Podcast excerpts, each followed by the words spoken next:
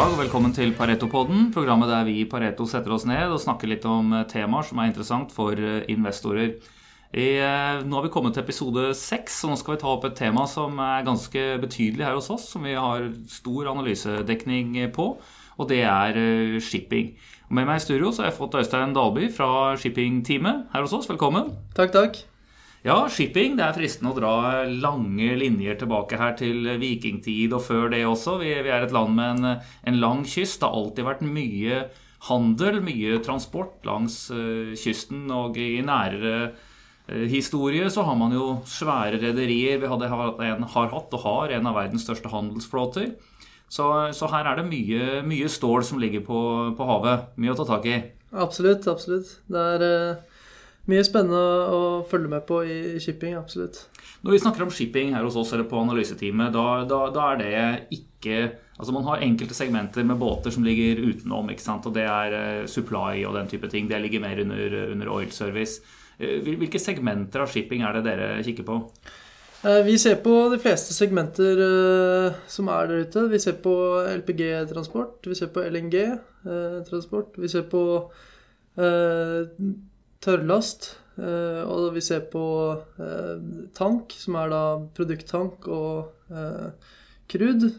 og så har vi Krud er råolje. for bare råolje, beklager. Oversette ja, underveis her. og så har vi bilselskap Wilhelm Wilhelmsen, som vi følger. Og så kjemikale Stolt-Nielsen og Oddfjell.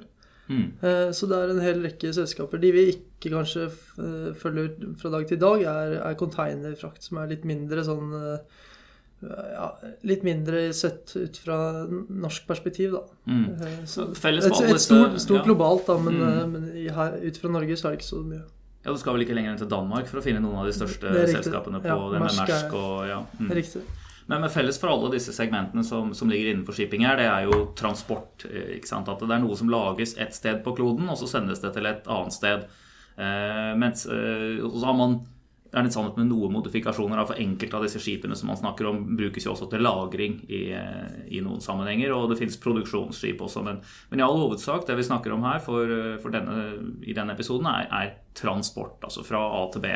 Ja. Med, en annen, med en eller annen form for produkt. Ja, det er riktig.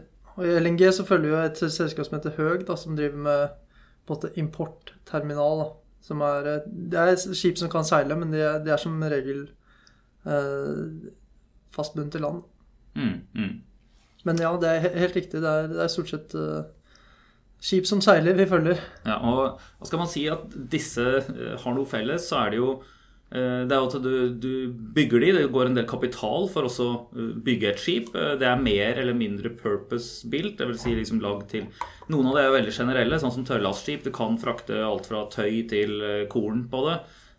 Mens, mens, andre er jo bygd for ett spesifikt formål og går fra én terminal i den ene enden til en terminal i den andre enden. Mm. Så, så, men, men, uansett, du, du, transporterer et eller annet. Det koster en del å bygge disse skipene, og over skipets levetid så skal du jo gjerne få en kapitalavkastning. Ja, det er riktig. Og der, vært, der, er det store svingninger? Ja, det er veldig store svingninger. Eh, så i shipping så er eh, timing veldig viktig. Ja. Eh, uten tvil. Og igjen så har du jo liksom noen av disse som opererer bare i spotmarkedet i den ene enden, og så har du det man vel kan kalle Hva kaller du det? Industriell shipping i den andre enden? Ja, det heter timecharter-marked, men det er på en måte lengre kontrakter, da. Ja. Det, det, er på en måte de, de hoveddelene er, er spot, altså timecharter-markedet. Ja. Så vi får, vi får se, prøve å se litt på disse hovedbitene. Altså Hvis man ser på bulk og, og tørrlast og tank i den ene enden, eh, så, så, kan man ta det derfra, egentlig. Eh, hvordan, vil, hva er driverne i, for verdsettelsen av, av shippingaksjene? Hva er det som gjør at det svinger så mye? For det er vel det folk som står litt på utsiden og liksom vurderer shipping som en av mange ting man kikker på, så, så ser man at det, det, det, er så voldsomt store sykler. Ja, det, det svinger veldig. og eh, Grunnen til det er jo at du har store svingninger i inntjeningen eh, du får på, på frakt. da. Eh, spesielt i spotmarkedet så svinger det helt enormt. Eh, I, hvis du tar LPG-sektoren, så ser LPG, du at gass, bare ser ja, skyter inn her. Riktig, mm. riktig. Så ser du at i 2014 og 2015 så hadde de ekstremt bra, bra, år, hvor ratene gikk helt opp til 100 000 dollar dagen. Eh, og til og med over det i noen enkeltslutninger. Men så falt det da I fjor så falt det ned til under 10 000 dollar dagen. Så det har ekstrem betydning, selvfølgelig, mm. for inntjeningen til selskapet. Og derfor også verdsettelsen. Og, igjen så er det inntjeningen og forventet inntjening får veldig mye å si for Eh, interessen for kjøp og salg av eh, skip, og da også underliggende verdi på skipene, som, som, vi bruker veldig mye til å verdsette selskapene vi følger. Da. Ja, Det er det dere kaller NAV, ikke sant? Net ja. Asset Value, for å se på hva, hva er skipsverdiene. Ja. Eh, og det ligger jo ofte som et slags gulv på hva sånne båter er, er verdt. Eh, om jeg har forstått det riktig? Ja, det gir ofte, eller Vi bruker jo det som indikasjon på verdi uh, i et eh, rederi. Så kan du si at vi regner ut det du sier er Nav, som er på en måte en egenkapitaljustert Eller sorry, verdijustert egenkapital. Hvor vi bruker dagens antatt verdi av skipene hvis du skulle selge det i markedet. Og så trekker du fra da gjeld, og så kommer du da til en egenkapitalverdi. Eh, som, som, gir da en, eh, på en måte en verdijustert bokført verdi, da, hvis, hvis, du skal kalle det det. Mm. Eh, som, som, man kan da sammenligne med hvor aksjekursen står i dag. Og i de, de, Jeg har bare registrert dette etter hvert som jeg har vært i markedet i mange år, at, at man har sett en del sånne sykler. Og det som gjerne skjer hvis, hvis skipsverdiene For du kan også vurdere det etter hvor mye de tjener. ikke sant, som ja. var inne på her Hvis, hvis ratene er veldig høye, og da inntjeningen på båten er veldig stor. Ja. Man har jo hørt eksempler på liksom tankere som har blitt tjent inn på et par ruter bare. Mm. Eh, når markedet har vært helt på, på topp. Ja. Eh, og da Forskjellen mellom det, mellom, mellom, nåverdien kan du si på å ha en sånn båt, og, og kjøpsprisen på den, når den begynner å bli veldig stor, mm. da løfter rederen opp telefonen, og så bestiller man båter. Ja, det, det kan du si. Det er det er vel ofte sånn at uh, når, uh, når rederne tjener gode penger, så blir de optimister og, og bestiller mye skip. Da. Hvor lang tid tar det å få et? Hvis det er ledig plass på verftet? Liksom. Avgjør litt av type skip, da, men fra ett til to år er det som er vanlig. Mm, på tørrlast og tank? Ja, tørrlast er det rundt et års tid. Mm. Tank er det litt lenger. Ja. Men eh, det, det, er ikke så altfor lenge. Og det, gjør jo på en måte at eh, det blir veldig syklisk òg. I et bra marked hvor det er god inntjening, eh, så ser man at det er stramt på tilbud-etterspørselssiden. Og det, det, får mange da til å, å bestille nye skip i et godt marked ofte. Og så blir det da ofte bestilt for mye, eh, og da går man inn i et nedgangssykkel igjen. Mm. Før vi går inn på og beskriver akkurat hvordan vi, vi ser markedet nå, så, så er det én siste dimensjon som er viktig å ta med. Altså man, har, man har etterspørselen eh, på den ene siden, du har tilbudet med båtene, men du har jo også selve selskapsstrukturen her, sånn, for der er det også mye forskjellig. Noen er jo i den ene enden finansiert med bare egenkapital, mens på den mm. andre siden så har du sett Eh, gjennom historien mange fantasifulle egentlig sånn KS-er og den type ting som har vært uh, ulike former for gjeldsfinansiering. Og en del av, av rederiene har jo også per i dag mye gjeld. Veldig mye gjeld. Ja. ja det er jo ikke noen tvil om at når, man, når man, bestiller skip, så får man ofte gjør man det ofte med, med mye bankgjeld. Og grunnen til det er at man får sikret bankgjeld i, i skipene. Eh, og det er relativt god likviditet i de fleste, eller i mange shippingmarkeder, som gjør at bankene er villige til å også gi eh, ganske god eh, gjeld. Og, eller bra, bra mengde med gjeld. Da. Så alt mellom null, som det sier, til, til opp mot på det verste 80% gjeld kan, kan, du se i en del rederier. Ja. Mm. Og det er jo her bankene også er litt altså de av og til har gjennom historien har måttet ta noen, noen tap. ikke sant? Når, når annenhåndsmar, altså når selskapene ikke klarer å betjene gjelda si eh, lenger, og eh, det gjerne da er en, en sykkel som går nedover, sånn at skipene må selges i annenhåndsmarkedet mm. til under eh, det som man jo kjøpte de for. Ja, ja. ja det er helt klart. Det, det, det har forekommet, det. Og vi ser jo en trend de siste årene at bankene har blitt mer restriktive også til å gi bankfinansiering. Mm. Eh, noe som har eh, lagt press på, vært med å lage press på en del eh, skipsverdier i forskjellige segmenter. Mm. Så det, det, er en trend. At det, det, er rett og slett vanskeligere for de litt mindre skipseiende selskaper å få fremmed kapital. Ja, dette er, dette er, spennende, og jeg må jo si det er ikke helt tilfeldig at jeg tok med deg inn i studio nå. Vi, vi har jevnlige presentasjoner på morgenmøtene her. Vi møter også selskaper fra sektoren som kommer. Eh, og jeg eh, har jo et, et, en følelse nå at det er tunge tider i, i shipping, men i, i, et par av segmentene her nå så begynner man litt å å se eh, lys i tunnelen. og Det, det kommer litt an på de, de faktorene vi har snakket om her nettopp. Mm. At eh, Eh, det tar en stund fra en båt er bestilt til den blir levert, og, og, og, man har jo da en viss visibilitet, som det kalles, eh, av hva som kommer til å komme i de kommende året og to årene. Mm. Eh, hvordan beskriver du situasjonen i markedet for shipping nå? Det er litt forskjellig i de forskjellige segmentene, selvfølgelig. Ja, du får litt, får ta litt om hvert. Ja, ja. Eller er det noen spesielle highlights du vil trekke fram? Hvis vi ser først på tørrlast, altså Eh, har Tøllast vært gjennom eh, to veldig veldig tøffe år. Eh, inntjeningen er fortsatt veldig svak, men vi ser nå at ordreboken har kommet seg under 10% av eksisterende flåte, som er, er lavt i et historisk perspektiv. Har aldri vært så lavt på ti år, nesten. Og samtidig så er etterspørselen holder seg ganske bra, fordi Kina fortsetter å har BNP-vekst og fortsetter å øke importen av eh, jernmalm og kull, som er de viktigste driverne på etterspørselssiden. Eh, så, og samtidig så ble det skrapet veldig mye skip i fjor, for det var så tøft marked. Mange redere som ikke hadde eh, som valgte å skrape skip som de ikke tjente penger på. Gammel, gammel tonnasje kommer ut av markedet, da kommer flåteveksten ned. Og det er det vi ser nå, at de neste to årene så blir det moderat flåtevekst. Samtidig så er eh, etterspørselsveksten eh, ganske ok. Eh, og, da, og det, det, gjør at vi, vi, er positive til det segmentet. Så vi tror at vi skal inn i måte, bedre tider, sånn som du refererer til, neste to årene. Og det blir en gradvis bedring i inntjeningen.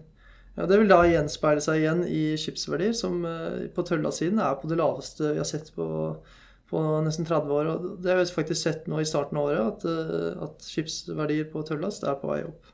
Dette er jo veldig godt uh, poeng. ikke sant? At man, man, har sett nedtur her, men nå mm. begynner vi å se bedre balanse i tilbud og etterspørsel.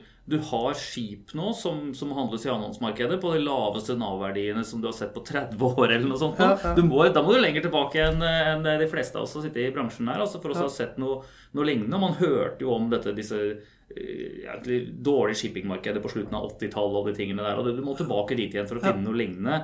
Mm. Eh, men når vi nå begynner å se, se lys i tunnelen, så, og, og, man har hatt de første opptikkene nå på, på skipsverdier, så, mm. så, så, er jo det interessant. Ja, absolutt.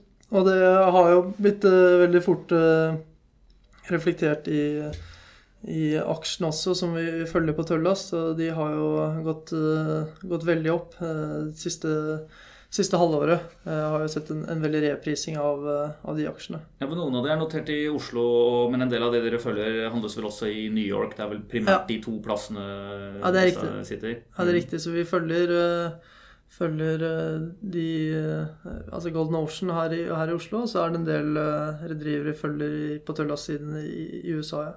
Mm. Golden Ocean ser jo fortsatt ganske tung ut sånn aksjemessig. Ja, det er, det er i hvert fall en aksje vi mener på en måte er begynner å nærme seg mer en fair eh, verdi i, i, i dag da, enn, det var eh, for, for, et halvt år siden. Så vi har, vi har den på hold. Da. Så vi tror måte, den er fullpriset eller priset nærme fair value, så sånn det ser ut i dag. Da. Ja, ja. Men det er på en måte også slik at uh, hvis uh, verdiene fortsetter å gå, så, så, så løfter jo det fort uh, Golden Ocean-kursen også videre. Ja, det, det, dette, er jo, dette, er jo, veldig bra og veldrevne selskaper også som, som, er ganske store, og som for så vidt har historikk for å bruke en del av, for å kunne bruke balansen sin. da, mm. Og bruke en kanskje høy aksjekurs til å, til å gjøre innvånd oppkjøp eller fusjoner. Ja. Så man har jo sett at flere av Fredriksen-selskapene, og vi har sett det igjen denne uken her, eh, ofte får ledende roller i, i restruktureringer i, i bransjen. Ja. Men, men, rent aksjemessig, som du sa, altså, så, så, så, så syns vi at den er forholdsvis dyr i forhold til andre tørrbulkaksjer nå. Hva, hva, vil du trekke fram som billige? Hvor skal man, eh, hva skal man eh, ta? Nei, Av de vi følger på Tølla, så syns vi Scorpio er, er en spennende aksje.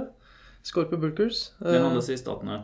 Den handles i statene, ja. Den er litt billigere hvis du ser i forhold til Nav, da. litt bedre risk reward, syns vi, enn det er på, på Golden Ocean. Samme, samme er uh, egentlig på, på Starbuck. Nå, nå, driver vi og ser litt på den og kommer med en oppdatering snart, så jeg skal ikke si helt uh, hvor, hvor, mm. det, hvor, det, ender. Men uh, det er i hvert fall på relativen sett billigere enn en Golden Ocean men i dag. også i staten. Det er SBU, ja. SBLK, er det. SBLK, ja, på, ja, som tikker. Og så har du Salt som tikker på Det er riktig. Du følger med. Det er bra. på, på Scorpio, ja. Mm. Ok. Og så hvis vi tar noen av de andre segmentene, så Eh, på tank så ser vi nå at 2017 eh, blir et relativt eh, moderat år på inntjeningen pga. OPEC-kutt og, fortsatt høy, relativt høy flåtevekst. Vi tror ikke at inntjening blir det helt store i, tank dette året her. Men verdiene falt kraftig i fjor, og vi tror de bunner ut nå, nå i år. Eh, så vi tror at eh, det kan bli interessant eh, år for, for de som har litt horisont, og faktisk finne noen bra investeringsmuligheter i løpet av året i, i tank. Innenfor det segmentet så er vi mest positive til Tanker Investments. Det er litt mindre selskap sammenlignet med, med type Frontline og, ja, og det, ja, ja. Mm. ja. Og Grunnen til det er rett og slett at den handler på en 30% rabatt til underliggende verdier og har en eh, balanse de, de klarer seg fint selv om markedet skulle bli litt tøft. Det er nesten rart at den er så billig, syns jeg. Jeg så ja. det regnestykket, men uh, ja. hva, hva, kan det være? Nei, Det er jo fort at den er litt upopulær, da. Det, det, er, det, er, vel så enkelt som det.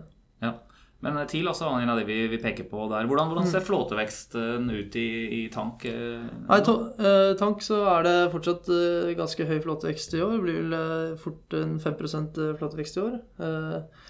Og, og, så faller den litt neste år, og så er det veldig lite i 2019. Mm. Så, så, den kommer, kommer nedover. det gjør den. Men så har vi et par artige segmenter. og eh, For de som, eh, som leste julenumrene og sånn i Finansavisen, så så man jo at det ble valgt en For min del, jeg ble spurt om å stille med en aksje der, og så snakket jeg med analytikerne internt hos oss. Ja. Spå hva som skulle bli vinneren i 2017, og det ble Avance. Ja. Så da snakker vi om gassfrakt i, ja. igjen her. Og, og, eh, den fikk jo en skikkelig opptur gjennom romjula, kan man si. Og i, gjennom januar så har det vært ned et stykke igjen Og, Kan du beskrive hva, hva skal man se etter i, i gasspillene nå? Ja, Uh, Avans Gass og BVLPG gikk jo veldig som det, som det sier i det tidsrommet du snakker om. Uh, vi, vi, tror at uh, på LPG, som, som, er det segmentet de opererer i, at det blir relativt tøft egentlig for deres del i 2017. og grunnen til det er at du har eh, fortsatt høy flåtevekst, eh, som legger press på ratene. Det er en 10 flåtevekst fort eh, i år, så det er ganske mye skip som skal absorberes i markedet. Mm. Lav markedet. Og, og, i tillegg, akkurat nå, i det korte bildet, så, så er på en måte prisdifferansen på gass i, i USA mot Asia er, er, for lav til at det gir noe særlig profitt for å transportere eh, gass på altså VLGC-skip, som de, det de mm. gjør. Det, det, kan endre seg fort. Eh, og, eh, og det, det, er et positivt bakteppe ved at, uh, i, i, sektoren ved at vi nå får, håpentligvis da, får fortsette å ha en litt høyere oljepris, som bidrar til å øke produksjonen av, av shaleolje i USA. Mm. Eh, og da får du biproduktet som er da propan og butan, eh, som, som, er det som fraktes på disse VLGC-skipene. Eh, med økt produksjon i USA så får forhåpentligvis også prisen på propan kommet litt ned. og, og da øker forhåpentligvis også da den prisbredden mellom Asia og USA. Mm. Så, så, høy oljepris er i det store bildet veldig positivt for, for VLGC-markedet. Eh, så rent aksjemessig så syns vi Nå har jo på en måte Avans og BV har, eh, har, gått veldig, men Avans har kommet en del ned også. Ja, og BV også. Det er jo de siste par ukene så har Riktig. de fått seg en real eh, Riktig. Kaldus. Så det, det, svinger veldig i dette segmentet. Men vi er positive. Vi har, Avans er, er vårt top pick i, i, sektoren. De refinansierte i fjor og har en sterk balanse til å komme seg gjennom et tøft 2017-marked. Mm. Og er Eh, billig eh, hvis vi ser mot underliggende verdier. Så, så det, er, det, er, helt klart eh, vårt, vårt topic i den sektoren. Vi ja. tror at det hvis du har litt uh, horisont, at det er en god investering i det. Ja, for, for, dette er jo skip som kanskje tar lengre tid å bygge også enn det vi ser på typisk tørrlast og sånt. Ja, for dette, er, dette, er, store, litt mer spesialbygde skip. Og, og hvordan ser flåteveksten ut innover i 18 og 19 her? Ja, 18 og 19 så er det nesten ingenting. Det er bare et par skip i 18 og nesten ingenting i 19. Så det er, det er, det er i år flåteveksten kommer i, i, i VLGC-markedet, og så er det veldig begrenset utover det. Hvordan handles de i forhold til Nav-verdier og sånn, disse skipene? her? Uh, de handles godt under Nav. Uh, altså aksjene handles godt under Nav. Ja, ja. Uh, så akkurat i, for øyeblikket så er prisen av på, på Avans er vel en 0,65 omtrent, da. Så en 35% rabatt til, til, det man kan si er underliggende stålverdier i selskapet. da.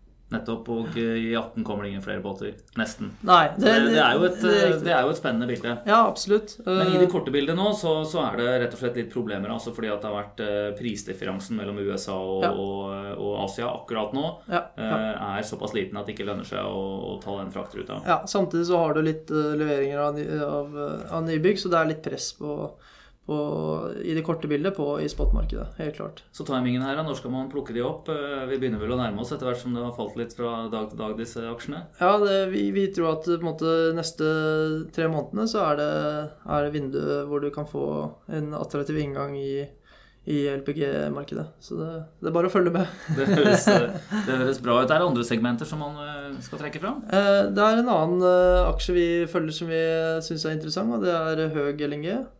De driver med importterminaler av, av LNG, såkalt FSRU-skip. Mm. Det er et marked som, som går bra, fordi at det har lavere LNG-priser, som eh, gjør det mer attraktivt for en del land å importere LNG og bruke det inn i gasskraftverk.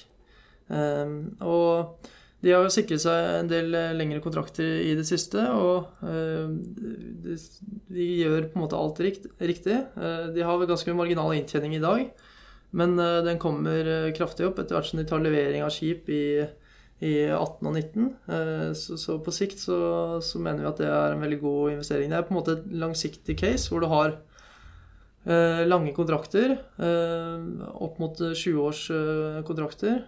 og hvis du regner på det, så, så er det på en måte DCF-en den, den, er over 100, 125 da, på, på, våre tall. Mm.